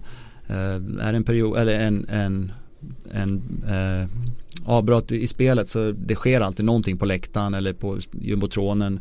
Så att det är väldigt, väldigt mycket underhållning. Jag vet inte hur långt man har kommit i SHL om det går att, att kopiera NHL just på de här grejerna men, men det, det skiljer väldigt mycket där borta. Mm. Varje match var liksom viktig på något sätt, alltså, även för de som, som var runt omkring lagen. Alltså, de, bra fokus på varje match liksom. Mm. Att, vad kan vi göra idag för att få publiken att komma liksom, så att det inte liksom blir den här lunken hela tiden. Så, ja ah, men nu är det match 17 så nu spelar det ingen roll liksom. Men då kör vi den omgång 22 istället för då jävlar, då slår vi på stort. Så att man mm. har någonting på gång hela tiden och försöker locka folk. För, folk tröttnar ju fort. Ja, det, det har jag sagt tidigare också. Att jag tror att det är viktigt att man liksom verkligen handplockar de där personerna. Som, inte bara till laget, till första femman. Utan även liksom till arrangemanget, mm. alltså evenemangsansvar. Det måste vara liksom de bästa för att man ska få ett bra arrangemang. Men är inte svensk idrottskultur lite annorlunda? Vill inte vi ha två ståplatsklackar som Det som kan man väl ha. Det ena behöver inte utesluta det andra tycker jag. Det blir lite den diskussionen att antingen ska vara det eller också inte. Man måste ju kunna väva ihop det till en bra helhet tycker jag. Mm. Jag vet Örebro tyckte jag hade, nu har jag inte varit där i år, men de tycker jag ändå har, har varit en bit på väg med sitt arrangemang. Där kändes det som att det hände någonting hela tiden och det fanns en stor ståplats läktare där ändå och liksom de hade en bra jumbotronen där och en bra studio och allt det. Jag tyckte de var på gång med någonting, någonting bra där. Djurgården-Färjestad nu i, i helgen, de, det hade ju två klubbar som lite grann hetsade varandra. Vem som skulle ha mest publik och vem som skulle ha bästa arrangemang. Lite mer sådana grejer också. Så jag tycker det är jättebra att man kör back-to-back sådär liksom med två storklubbar. Mm. Jag, jag, tror det är en jätteutmaning att fylla arenorna. Men då måste man också ha otroligt kompetent folk tror jag, som jobbar runt matcherna och runt arrangemanget och till att jobba folk och se varje match som väldigt unik och liksom hur gör vi för att liksom mm. Mm. Och det, man, det man ska säga, jag tycker ett plus i svensk hockey eller kanske europeisk också men att man har klackar. Det mm. finns ju inte på samma sätt Nej. borta i Nordamerika. Det finns ju ingen ståplats till exempel. Så den, den eh, delen tycker jag är jättebra. Att det finns klackar, att, att klackarna engagerar sig också. Så det tror jag tycker jag är ett plus för svensk hockey. Så vill man ju få med alla andra också. Det är det som är mm. lite hemligheten till att skapa en bra stämning och de arenor som har det är ju de där klackarna även får med sig övriga arenan på ett mm. sätt. Och det är då det blir riktigt häftigt. Mm. Som på Hovet till exempel. Sen mm. har vi några andra alltså, som i Gavlerink till exempel eller Cloette, Saab Arena heter det väl nu och så hade liksom klacken och övriga publiken lever separata liv känns det som. Mm. Man får inte med arenan i det. En annan grej som är häftig borta i Nordamerika som jag kände var liksom att man när det var match då satte man på sig sin matchtröja så gick man till rinken. Det, det är inte en riktigt, stolthet. Ja, det är inte riktigt samma i Sverige utan de som står i klacken har ju ofta matchtröjor och sådana grejer. Men sitter man på sittplats så sitter man där med sin mörka jacka, vinterjacka liksom. Mm. mm. Och där borde man kanske kunna hitta någon lösning och försöka köpa in billigare matchtröjor på något sätt. Så att man liksom alla känner att man är delaktig i någonting. Mm. Någonting sånt. Det är en bra poäng. Eh, en stor snackis den här säsongen, också delar av förra säsongen, är ju eh, Rasmus Dahlin i Frölunda. Har du sett honom? Jag har inte sett honom live. Jag har sett eh, lite tv-sekvenser och så. Och väldigt imponerande i den åldern. Eh, bara 17 år och jag tycker det är en mognad han visar i spelet. Eh, sen får man tänka, han är fortfarande junior så han, han vill väldigt mycket. Men jag tycker han har tagit, de, de matcher jag har sett, han tar många bra beslut. Och han vågar alltså, han, han vågar ta tag i pucken när det, när det är en öppning. Så en del killar kanske lägger en passning och, och spelar safe. Han tar isen, han sätter fart, han har ju bra fart på rören också. Så han tar den här isen och vågar utmana. Så att det tycker jag han visar en väldig mognad för, för den åldern. Känner ni igen dig själv lite i honom? Inte i den åldern ska jag säga. Inte, men kanske lite senare i min karriär att man tog tag i spelet och kanske man, man skötte ett powerplay, man tog tag i, i pucken i powerplay, man vågade åka upp med pucken, hålla i pucken. Men som 17-åring hade jag inte det, inte alls. Har Detroit ringt dig om honom och alltså börjat ha en second opinion om honom och sådär? Uh, ja, jag har varit över i, i, bara för några veckor sedan till Detroit och fick frågan från några, några där i ledningen om jag har sett honom och vad jag tycker. Och det är klart, hans namn nämns väldigt mycket där borta också. Han, han syns i media där borta också så att uh, alla är medvetna om hur duktig han är. Vad skulle du ge för råd, ursäkta Thomas, vad skulle du ge för råd till Rasmus då? Liksom inte, jag menar, på isen så är han ju otroligt skicklig men som, som människa runt omkring, vad skulle du ge för råd till han liksom? Skynda långsamt eller?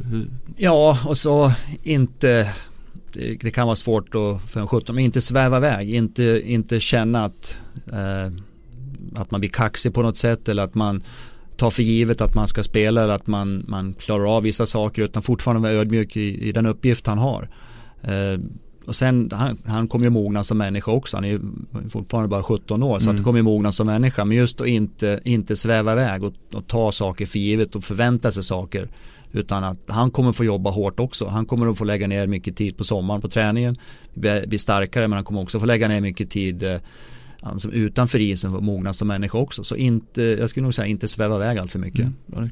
Han kommer gå, troligtvis gå etta eller tvåa. Allting talar för att han kommer gå etta i draften. När ska han åka över till Nordamerika? Tycker du? Eh, jag tycker han ska åka över när han känner, känner sig mogen. Han ska inte han, han, ska inte låta en agent bestämma när han ska åka utan han måste själv känna att jag är redo att ta nästa steg. Eh, han kommer ju säkert först bli draftad, sen åka på sådana här development camp som de har på sommaren. Kanske få åka på stora läget också. Eh, men han måste själv känna att han, att han är redo att flytta över till USA och flytta till ett proffsliv som det förmodligen kan bli då. Så att det, det är någonting som han själv måste han som rannsakar sig själv och känna att han är redo. Är man, känner man att man inte är redo, det kan ju vara att man Hockeymässigt kanske han är det men, men mognadsmässigt så kanske inte han riktigt är redo att flytta över dit. Så att det är någonting som man måste känna själv. Jag tycker inte att han ska skynda på för att han någon annan säger åt honom att göra det. Utan han måste själv känna att han är redo och, och göra den flytten i så fall. Är inte det svårt att känna när man är 18 år om man är redo att flytta över? För jag tror inte man förstår vad man kommer till när man åker första året till, till Nordamerika och kommer till en NHL-klubb. Utan du har berättat tidigare att man måste ju, när man får en chans, då måste du ta den också. Mm. Ja, och det är, det, det, är väldigt svårt i, i den åldern då. men man måste nog dels vara ärlig mot sig själv. Eh, jag tror det var Henrik Zetterberg som var kvar ett år extra i, i Sverige här och han, nu var han no, några år äldre men han kände nog att han ville ha ett år till i Sverige när han åkte över. Så att eh, vara så ärlig som möjligt och sen naturligtvis prata med, med dem runt om sig också för, för att höra vad de, de säger och föräldrarna. Och, men att det är nog han själv i, när det väl kommer till kritan, han måste ju känna att han är redo. För jag tror inte att det är bra att åka över och ha den här känslan i magen att nej, det här kanske är för ett stort kliv för mig. Och sen kommer man dit och sen blir det inte riktigt vad man hade förväntat sig man har inte den här riktiga känslan att, att jag gjorde rätt. Utan det måste nog kännas, eh, i den här magkänslan också. Skulle behöva en mentor, är det inte så? Jag får bara en känsla av att man, ja visst man är agenten då men de har också lite ett egenintresse av att över till Nordamerika så snabbt som möjligt börja pumpa av rookie-kontraktet och sen in på det stora, the eh, big bucks. Man, om man är en sån här kille som förmodligen kommer gå etta, jag tror inte vi kan förstå i Sverige hur stort det är att gå som nummer ett och, och även också som back. Mm. Det är inte så ofta att man en back väl så han skulle behöva en livsmentor. Ja men det är, det är viktigt att han har, hoppas att han har bra support hemifrån och, och från vänner och, och, det är jätteviktigt att, att, att fråga spelare runt omkring som har upplevt det här också. Kanske ringa Niklas här nu eller ringa någon annan och fråga om en second opinion liksom. Också, för menar, man kan få väldigt mycket bra tips från, från andra människor. Man ska inte vara rädd att fråga. För att det ehm, Ja, det är, det är ett väldigt stort steg ja, jag vet, själv, över. jag vet själv hur det var när jag kom över första gången. Det var liksom Kanske tyckte att jag var lite för bra liksom, hade vunnit SM-guld och, och sådana grejer. Så kom jag över så fick jag en riktig jävla käftsmäll liksom. Jag trodde att det, det, skulle vara klart, jag skulle kliva rakt in i NHL liksom. Sen tog det tre och ett halvt år ungefär innan jag var liksom ordinarie. Jag fick kämpa på rejält liksom. Så att jag tror det kan vara viktigt att vara, vara kvar hemma och i sin trygga miljö också. Ja, också och fortfarande utvecklas också. Mm, Han är ju fortfarande en ung, ung spelare verkligen. nästa sommar. Så. Ska man ta med sig föräldrar första året till, till Nordamerika eller är det viktigt att, att klippa eh, navelsträngen? Jag tror också det är väldigt individuellt hur man känner. Jag tror, det, jag tror inte att det är någon nackdel att ha föräldrarna med sig. Speciellt om man bara är 18 år och man kanske inte riktigt är, är, känner att man, att man är redo. Så jag tror absolut inte att det är en nackdel. Men jag, jag, jag faller ändå tillbaka till att killen själv måste känna att man är redo. För där, om man nu skulle vara nummer ett där borta och gå först i draften. Det blir en väldigt hype och väldigt press utifrån att man nästan ska kliva rakt in och, och vara en dominant direkt. Det är inte många som Som kan Mm. vara som McDavid till exempel eller Patrick Kane som när han kom in. Mm. Eh, Sidney Crosby. Det är ju några av de här exemplen men det är ju väldigt, väldigt tufft. Mm. Eh, jag har en killen i, i New Jersey, eh, Nico Hischier heter han Hischier. väl. Ja, han har gjort det väldigt bra men det är väldigt, väldigt hype också. Det ska man Mm. veta om. Han går ju som första center och alla spelare vi nämner nu, de är ju forwards.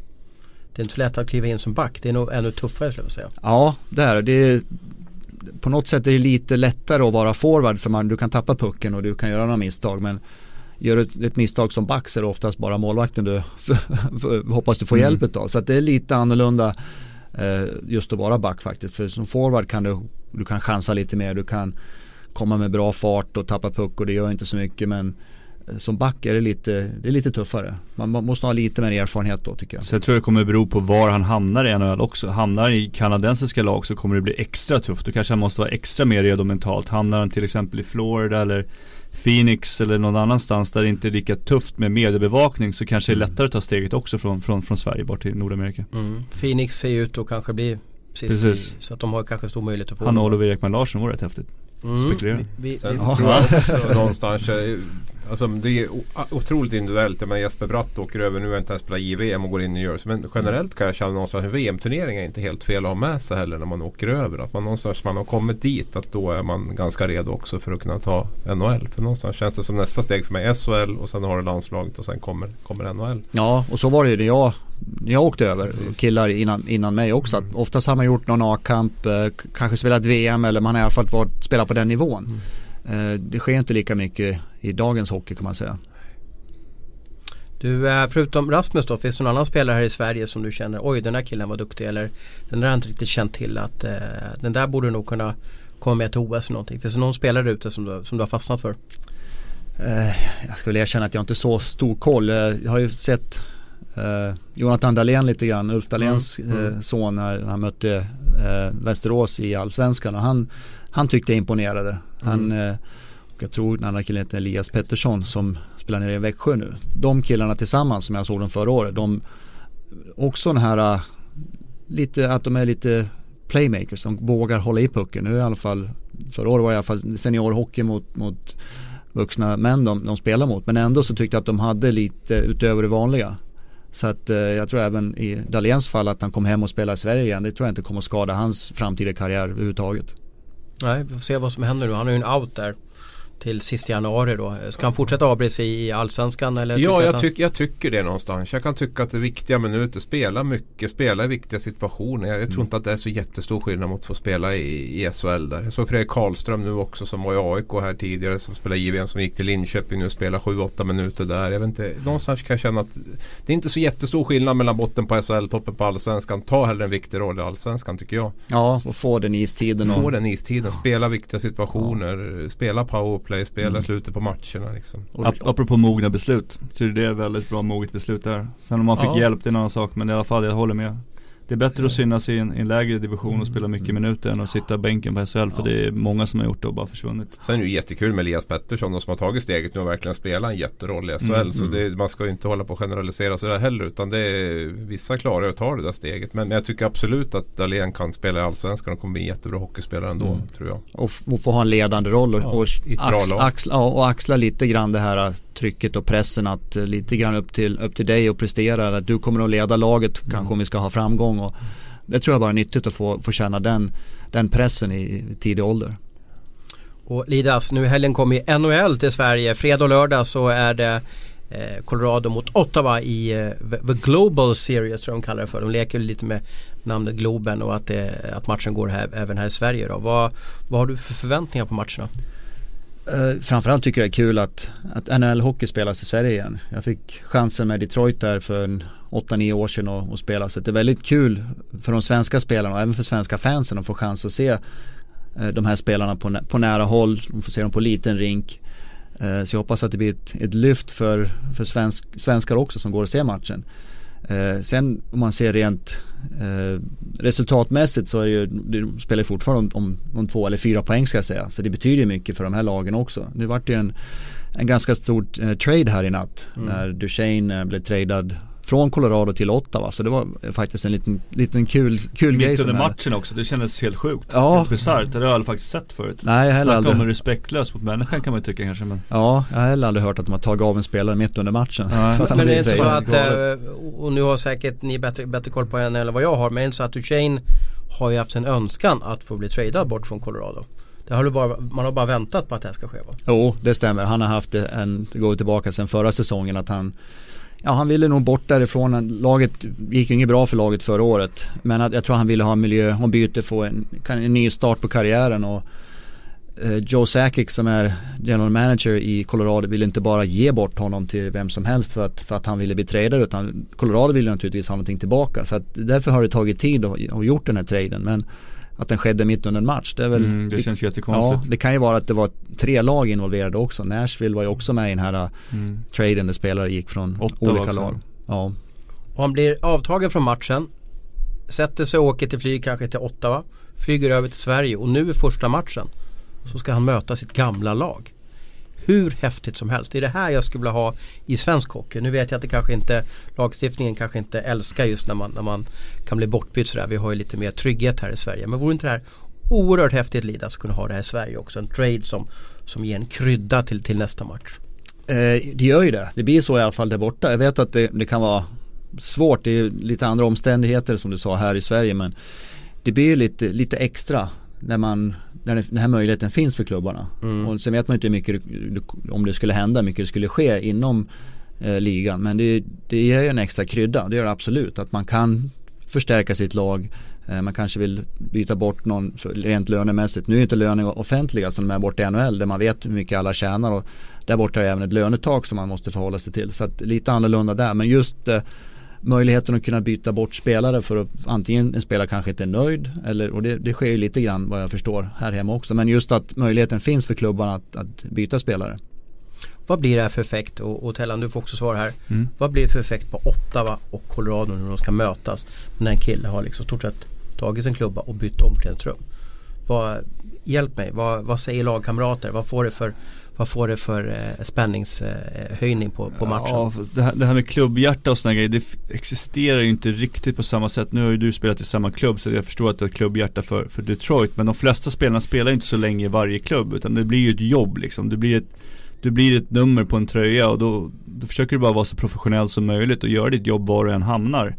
Sen blir det väl så när man har spelat längre än en klubb, så länge, länge i en klubb så, så blir det att man man, man skapar någon sorts eh, kemi med fansen och arenan och folk runt omkring också Men jag tror att i det här fallet så ville han ju bort så jag tror inte att det blir något större problem Utan det blir nog snarare så att det, det är några spelare i Colorado som kommer vilja tackla honom extra mycket som, och det är det jag lite försöker Ja. komma till. Borde inte de känna nu att nu ska vi se till att han gjorde fel den där. Den där Ja. Duchene. Lite grann kanske. Det är klart att de vill han vill nog vinna mot sitt gamla lag och de vill nog också visa att han gjorde fel som, som ville bli borttradad. Jag tror också att det inte blir, blir inte sån stor grej när Mm. väl matcherna, eller matchen sätter igång här och man har spelat lite grann. Men det blir en väldigt bra upphåsad match eller matchserie just att det här har skett dagen innan matcherna börjar. Det har ju varit en infekterad situation i Colorado. Man märkte ju lite grann på reaktionerna idag från hans medspelare också som var ganska ärliga med att säga det att eh, nu är vi, vi kommer bli bättre av det här. Nu är vi ett, en grupp spelare som verkligen vill vara här och det vill inte Matt liksom. Så man märker ju någonstans att, att det här har ju varit en infekterad grej i laget. Att han så öppet har, har gått ut med att han vill bort. Och det jag menar, jag tycker det är sån häftig krydda till, Mm. till, till den här matchen. Så Så, kommer ja, det. För nu kommer ju bli intressant att se Kanadensiska journalisterna och vi kommer ju fråga Matt hur känns det och, och hur är det och så vidare. Allting, va? Så att det där blir ju oerhört spännande. Alla fall. Jag ska efter den här podden försöka ge mig ut här till, till Globenområdet och, och se om jag kan få första intervjun där med, med Duchene på svensk mark. det är väldigt ovanligt inom hockeybranschen att göra sig omöjlig liksom så här, på, som, som Mm. han har gjort liksom. Mm. För det händer rätt stor ofta ja, Ja. Det händer rätt ofta i fotboll är, har man ju hört folk som sitter på bänken och vägrar komma på träningar och sådana grejer men Hockeyn är svårt, jag kommer inte på någon så här, är det någon som kommer på någon så här rak, rakt av som har gjort sig omöjligt inom, inom hockeyvärlden?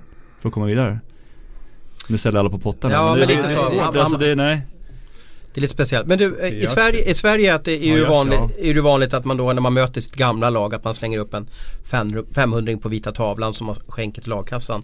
Är det så att, att Matt gör samma sak nu i eh, Ottawas omklädningsrum att slår vi Colorado då, nu kanske det inte är en 500, ja det kanske är 500 dollar. Får nog lägga på en, en nolla Ja. till och sen översätta i dollar efteråt ska jag Ja, säga Men funkar, det- funkar det så alltså att Ja man, det brukar det göra. Man möter sitt gamla lag så får man alltid ha pengar på tavlan. Ja, det brukar Och det går till lagkassan och så försöker man ha roligt för, för Precis, lagkassan. Sen stämmer. Vad är det största belopp ni har sett då på, på den här vita tavlan om det nu är vit i, i Nordamerika? Ja, 10 till 15 000 dollar tror jag sett. Nej, jag tror inte jag har sett så mycket. Jag tror jag har sett, ja var det 5000 dollar tror jag. Och vissa vill ju dels spöa sitt lag men även kanske spöa lagets coach. Alltså vinna över lagets coach för att missnöjd kanske med speltid eller vad det nu kan vara. Så att, eh, men det, det skedde ganska ofta. En del kanske inte, många gånger var det inte så stora belopp. Men det var Nej. många som kände att eh, jag slänger upp någonting, man skriver någonting på tavlan, bara ett nummer på tavlan. Så. För att få igång gruppen lite Ja. grann. Och så var det ju alltid någon som gjorde någon research att man hade någon liksom Någon gammal släkting eller någonting, någon faste i någon stad så var det ju alltid liksom När man hamnade typ nere i New York så kom det fram Ja ah, men har inte du din eh, flickvän här ikväll liksom på läktaren eller vad som helst Så fick man alltid sätta upp pengar eller någonting, någonting sånt var det Hjälper sånt där då? Blir man mer taggad av det där? Att det, att Ja det... men det är vissa sätt att få slappna av innan matchen liksom, och skämta lite grann för vissa matcher så är man ju lite mer fokuserad, kanske lite mer nervös och det är någon som skämtar till så kanske man skrattar lite grann och så slappnar man av och så går man in och så kör man liksom. För att det är alltid, alltid kul att ta någon annans pengar, så är det. Mm. Men, men efter säsong, eh, splittras inte NHL-laget då? Eller vad, här i Sverige brukar det vara att de åker på skidsemester eller åker till Barcelona-laget och sånt där. Vad, vad gjorde ni för, för lagkassan då, när, när ni höll på? Ja, det brukar vara en lagfest. Antingen var det bara, bara grabbarna, bara spelarna eller också var det med, med fruar. Man Mm. hittade på, man gick ut och käkade middag och, och umgicks. Så att det var ofta sådana saker. Va? Vi har aldrig åkt iväg tillsammans fler dagar som man kan göra här hemma. Utan det är mer att man hade middagar eller olika tillställningar tillsammans. Måste bli ganska bra middag. Ja, den middagen brukar bra. Även rookie-middagen brukar vi bra kan man säga. Ja just det. Vad har du för eh, rookie-middag eh, minne då? Eh, vi var i LA och eh, vi hade faktiskt match nästa kväll så att eh, det var väl, jag kommer inte ihåg hur mycket jag fick betala, det var nog inte så mycket, jag tror det var ett par tusen dollar bara. Vi, Okej. var, vi var nog en eh, fyra, fem stycken men man ska ju komma ihåg det här var ju tidigt 90-tal, det inte Det var inga problem att spela matchen efter då heller. Nej precis, det är skillnad om det är ledigt nästa dag, då kanske grabbarna tar några extra flaskor vin som kostar Mm. ganska mycket. Så du kom lindrigt undan. Var det du- Garpenlöv, var han på samma rookie-middag också eller? Ja, Johan var där också. Just det. Men du hade lite, du menar att ni hade tur att det var match efteråt så att det var lite lugnare eller? Att det var match kvällen efter, då brukar det inte bli lika mycket vin och, och konjak och sådana grejer som grabbarna brukar Halvdålig planering på den rookie-middagen ändå. Ja det var det faktiskt. Det vart, eh, de som höll i det var nog inte så, så nöjda sen. Var du nervös inför den här middagen? Inte så farligt faktiskt, det var inte. Jag, klart jag visste ju om det här, när grabbar har, har ju berättat hur, hur allting var. Men jag kan inte säga att jag var nervös. Utan var väl mest att man ville få det undanstökat så att, så att det var gjort. Mm. Du, eh, NHL i stort då, vad känner du den här säsongen? Vi- vi- Vilka lag är det som du är eh, överraskad över och vilka lag hade du förväntat dig mer av? Överraskningen, den stora överraskningen måste nog vara New Jersey. Som eh, med Jesper Bratt bland annat som spelar otroligt bra. Men de har överraskat för mig. Även LA som jag tycker har många bra rutinerade spelare har, har börjat säsongen väldigt bra. Lite besvikelse är nog Edmonton som jag förväntar mig mycket mer utav. Ett ungt lag med, med stjärnor, blivande stjärnor och storstjärnor i, i en McDavid. Så de har jag förväntat mig mycket mer utav faktiskt. Och nya fina arenan där också som de har också. Ja, de har jättefina arenor där. Vi får se. Du, eh, eh, om man ska ta sig till Globen nu så den, den största stjärnan på isen i alla fall eh, för, för oss svenskar är ju Erik Karlsson. Vad säger du om hans backstil? Eh, väldigt dynamisk backstil om jag ska uttrycka mig. Eh, otroligt kul att se Erik spela. Han har ju väldigt bra fart på rören, alltså bra skridskoåkning. Eh, han vågar göra de här lite oväntade sakerna, hålla i pucken lite längre. Han är inte alls rädd för att, att driva upp pucken i banan. Eh, han, han hinner oftast tillbaka med sin starka skridskoåkning om det blir något fel eller misstag någonstans. Och sen har han ett jätteskott. Han är otroligt bra på att träffa mål men han har ett, ett otroligt bra skott. Så att eh, en rolig spelare att se. Det är inte mm, allt för många backar som är så dynamiska som han är. Att han vågar saker, han, han är väldigt frisk och frejdig i sitt spel. Det känns som att ni, ni två, båda två är ju duktiga backar. Men att du kanske var lite mer tyst tillbakadragen och han är liksom showman, cowboy och så vidare. Ja, han är mer flashig också. Han, eh, som jag sa, just hans skridskoåkning och orädd i spelet. Att han vågar göra saker, vågar kanske dra en kille som sista man på blå linjen för att eh, han känner att han klarar av det. Han har spelat med ett väldigt självförtroende. Hade du önskat att du var som honom, att du var den här liksom som sköt vilt där ute eller? Det är klart man skulle vilja vara mera, om man ska säga flashig eller vara mer, eh, våga göra fler saker individuellt. Eh, jag tror min styrka offensivt var nog mycket powerplay. Eh, få igenom skottet men inte vara den, den här otroligt snabba skridskoåkaren utan mera rörlig och mera och lägga passningar och, och hitta sådana öppnande spel. Mm. Du, eh, du fick ju en hemläxa eh, via grupp-sms i, går kväll och ta ut din drömfemma plus målvakt. Ja. Oh, nu är jag nervös. Ja, nu är jag nervös va? Topp 50 i alla fall måste jag vara. Måste in på topp 50. Ska vi börja med målvakten? Vem, ja, vem har du tagit ut? Jag har tagit ut, ut en kille jag spelat tillsammans med i några år eh, i Detroit som heter Dominik Hasek. Otroligt tävlingsinriktad målvakt som eh, vann Stanley Cup med två gånger. Andra gången 2008 så tappade han faktiskt första spaden till Chris Osgood. Mm. Men eh, eh, Dam var en otrolig tävlingsmänniska. Till den grad att om han förlorar en match eh, jag vet att det hände en gång, vi förlorade hemma i Detroit. Han var så förbannad så han vägrade åka hem. Utan han, han stod kvar i omklädningsrummet, eller i det här eh, loungen som vi har. Och tog några badlakan och la på sig. Så förbannad var han för att han hade förlorat, tyckte han skulle spela bättre. Så han sätter jag i mål. Men sov han kvar alltså i, i Han, han sov kvar i, i den här loungen, alltså där Aha. vi tar oss våra civila kläder. Där sov han på en soffa. Han, alltså vi ska ändå träna morgon bitti, hade han sagt till materialarna. Lite udda men just den här tävlingsinstinkten som han har. Mm, underbar story och backparet? Eh, där sätter jag eh, Ray Bork. En kille som jag fick möta väldigt många gånger men eh, en kille som jag skulle vilja spela med. För att han, jag tyckte han hade allt. Den offensiva delen, den bra, stabil defensivt, bra allround. Kunde spela många minuter. Uh, och samtidigt kan han vara tuff också. Mm. Så att uh, han sätter jag på ena sidan. På den andra sidan sätter jag en kille som jag aldrig har sett spela live men jag, jag också skulle vilja sett. Det var Bobby Orr. Som vann åtta Norris Trophies och mm egentligen revolutioniserade backpositionen på sättet han åkte med pucken, drev upp pucken. Eh, backar spelar inte så innan Bobby Orr började driva upp pucken och kunna lägga de här passningarna och, och åka igenom själv. Så han sätter på andra sidan. Vem av de här två backarna hade, hade du velat vara så att säga? Vem hade du som idol när du, när du spelade landhockey där i, i Avesta? ja det var nog mera eh, Ray Borg som var min idol. Bobby Orr fick jag aldrig chansen att se. Jag har bara sett lite lite tv-klipp på och så. Så att jag vet hur, hur skicklig han var. Men eh, eh det är klart att det skulle vara kul att, att få chansen att spela med båda. Mm. Såg någon rolig bild på ditt Twitterflöde där. Du i alla fall tog en, tog en bild på honom med, med, när det var den här Hall of Fame eller någonting då. Ni har ju 15 Norris Trophy ihop, det är imponerande. Ja, då vi, träffades förra året i Los Angeles när de, NHL hade de här 100 bästa NHL-spelarna. Mm. Så då var Bobby Orr där naturligtvis. Vem var det som frågade vem om kan vi ta en bild ihop? Det var jag som frågade. Okay, jag ville gärna ha en bild. Ja, jag ville gärna ha en bild med Bobby Orr. Och en rolig sak var också när jag lade av där, eh, när jag sa att jag skulle, skulle lägga av så då ringde faktiskt Bobby Orr. Och gratulerade till min karriär och, och det jag har bidragit till med hockeyn. Så det kändes väldigt stort att få ett ja, samtal från Bobby Orr. Jag trodde mer att han skulle tycka det var skönt för du visste om att han fick ha rekordet för sig själv. han satt så här och ja, ja, ja, Äntligen slutade yes, Äntligen slutade svenskan där. Det var en baktanke. och nu kan vi inte hålla oss och säga, vad har du satt ihop för kedja där då?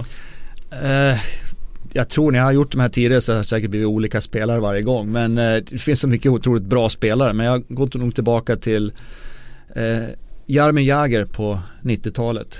En jag tyckte han var en, en matchvinnare som kunde vinna matcher helt på egen hand. Uh, han, hans styrka var nog hans storlek och han visste att han skulle använda sin storlek hela tiden. Sen var han väldigt skicklig individuellt också med, med klubba och, och, bra skott och allting också. Men just det här tyngden han hade som spelare tyckte jag var tuff att möta. Mm. Och han spelar ju fortfarande och är två år yngre än dig. Ja, han gör ju det. Han, han var väl över i Ryssland några, tre, fyra säsonger tror jag spelade. Men han är tillbaka och när vi pratade med, vi var i LA förra säsongen. Jag pratade lite med Jagger då som också var en av de här topp 100. Och han sa att jag älskar fortfarande att spela hockey. Tycker det är otroligt kul. Jag känner att jag kan vara med och bidra. Så varför ska jag sluta? Så det, han, han sa jag har ingen familj, jag har inga barn utan jag älskar det jag gör. Så att jag vill gärna fortsätta göra det. Så att, det ser man just den här glädjen han har när, när man ser han spela och fortfarande också. Mm. Visserligen, vi ska stanna Jagger lite, lite för det är så häftigt med honom. Men, men han, han är ju inte lika bra. Alltså, du kände ju också att sista året att hmm, det började gå, man kom över gränsen. Är det inte jobbigt att, att, att spela på den nivån och känna att man inte kan leverera som tidigare? Ja för mig, för mig var det så. Det var en eh, bidragande orsak också. Det, det, viktigaste för mig var att jag inte hade det drivet. Men jag kände ju också att jag var inte den spelare jag var för fem år sedan. Då när jag, min sista säsong. Utan jag kände också att tempot började sjunka lite grann. Man var inte lika snabb, lika rapp. Man återhämtade sig inte samma, på samma sätt. Så att jag kände också att det var en del i mitt beslut också. Jag ville inte bli en, en sjätte, sjunde back som kanske spelar under tio minuter eller sitter på läktaren vissa matcher. Utan jag ville, om jag skulle lira, då ville jag vara en här som bidrar som, som jag känner att jag kan vara en skillnad i matcherna. Och det, det känner jag att jag tappade. Så det var nog också därför jag slutade. Mm. Två forwards kvar. Jag sätter en center på andra kanten. Jag sätter eh, Mario Lemieux på andra kanten. Eh, också en kille som hade den här storleken. Lång kille. Han såg inte så snabb ut på banan när, man, när han åkte skridskor men det gick fort. Mm. Alltså när man mötte honom så gick det fort. Och jag tror mycket hade att göra med han hade en lång klubba, han var rightare och han kunde dribbla långt ut med klubban eller han kunde ha, ha dribbla nära fötterna. Och just den här kombinationen, han kommer med fart, han kan, han kan ha pucken långt ut och sen kan han dra tillbaka den och så byta, byta sida. Han har lurat väldigt många just med den, den dragningen, mig bland annat. Så att eh, han sätter jag då på ena kanten för att han var så otroligt skicklig en mot en. Får vi en hel Pittsburgh-kedja nu? Blir det Crosby i mitten? Det blir inte det. Det blir faktiskt Hellans gamla tränare. Det blir Gretzky i mitten. Uh, nu tänker jag de här killarna när de var som bäst naturligtvis. Mm. Och, och, Gretzky fick jag möta ett antal gånger där tidigt i min karriär och han var han var snäppet över alla andra. Just hur han tänkte. Som du sa, han mm. kunde bli frustrerad när folk inte tänkte som han gjorde. Det, man såg på isen hur han, hur han som tänkte vad som kommer att ske två, tre sekunder eller två, tre dragningar längre fram. Han kunde hålla i pucken också lite extra men, men se de här grejerna. Sen var han också en matchvinnare. Han ville ju göra mål, han ville göra poäng. Men samtidigt var han ju en framspelare. Jag, jag ser honom mer som en lägger de här geniala passningarna men han kunde ju avgöra också med sina mål han gjorde. Han såg lite halvknack ut på rören också liksom. Men på något sätt så åkte han liksom, han kom framåt med bra fart men det såg ut nästan som han sprang på skridskorna ibland kan jag tycka. Ja, liksom. han är inte den här han som mjuka åkningen. Nej, utan, inte som McDavid direkt liksom. Nej, men ändå så ja. Nu är inte du tacklingsmaskinen där Niklas då, men, men, men hur var det med Gretzky? Vågade man proppa honom bakom mål? Jo det gjorde man men inte, man, man, man tryckte inte till honom allt för mycket ska man säga. För det finns de som, eller fanns de som, som tog hand om och skyddade honom också. Det, det kostade det. lite alltså? Ja det gjorde det. Och jag vet att McSorley var väl på ett antal spelare i Detroit när, om, om Gretzky hade fått, eller bara markerade och åkte fram och pratade med dem och gav dem en lätt crosscheck och, och sa att det här, det gör du inte om igen. Så att eh, han hade ju de som, som beskyddade honom också. Så att man försökte ju inte köra över Gretzky om han hade någon sån chans. Men det är klart man måste ju ändå, ändå tacklas och, och göra de sakerna. Men han, han var ju eh, genial som spelare. Fast i ärlighetens namn så hade du ett par i Detroit också som kunde, ja, vi hade, kunde skydda dig också om det skulle vara någonting också. Ja det hade vi absolut. Ja. Vi hade några som Bob Probert, mm. eh, McCarthy, Kosher. Vi hade några killar som, som kunde skydda oss också. Mm. Vem hade du då som, som din liksom vapendragare som såg så till att, ja men rör inte Lidas då. Vem, hade, vem, vem var din bästa livvakt? Eh, det var nog eh, Darren McCarty genom alla, alla år jag var där borta. Eh, tidigt var det eh, faktiskt Brad McCrimmon som jag spelade ihop med min backpartner som som skyddade mig i mitt första år kan man säga om det, om det hände någonting. Eh, Bob Probert som vi nämnde också. Han var där eh, några säsonger tidigt.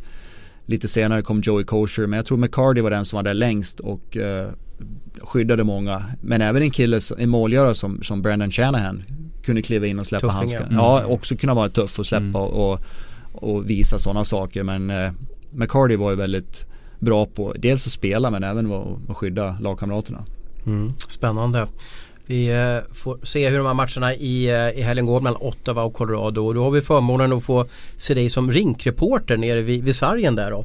Lite utmanande att hänga med och kunna berätta vad som sker precis nere på isnivån. Ja det blir någonting nytt. Jag har varit i studion och, och varit lite kommentator i periodpauser och så men och just att stå vid ringside och stå mellan båsen och dels höra snacket i, i båsen kanske lite mellan lagen också men och komma nära och se farten igen. Se hur fort det går. Det ska bli väldigt kul. Mm. Spännande. Helgen, fredag och lördag. Vi har alltså Ottawa mot Colorado. Tack för att ni var med oss idag.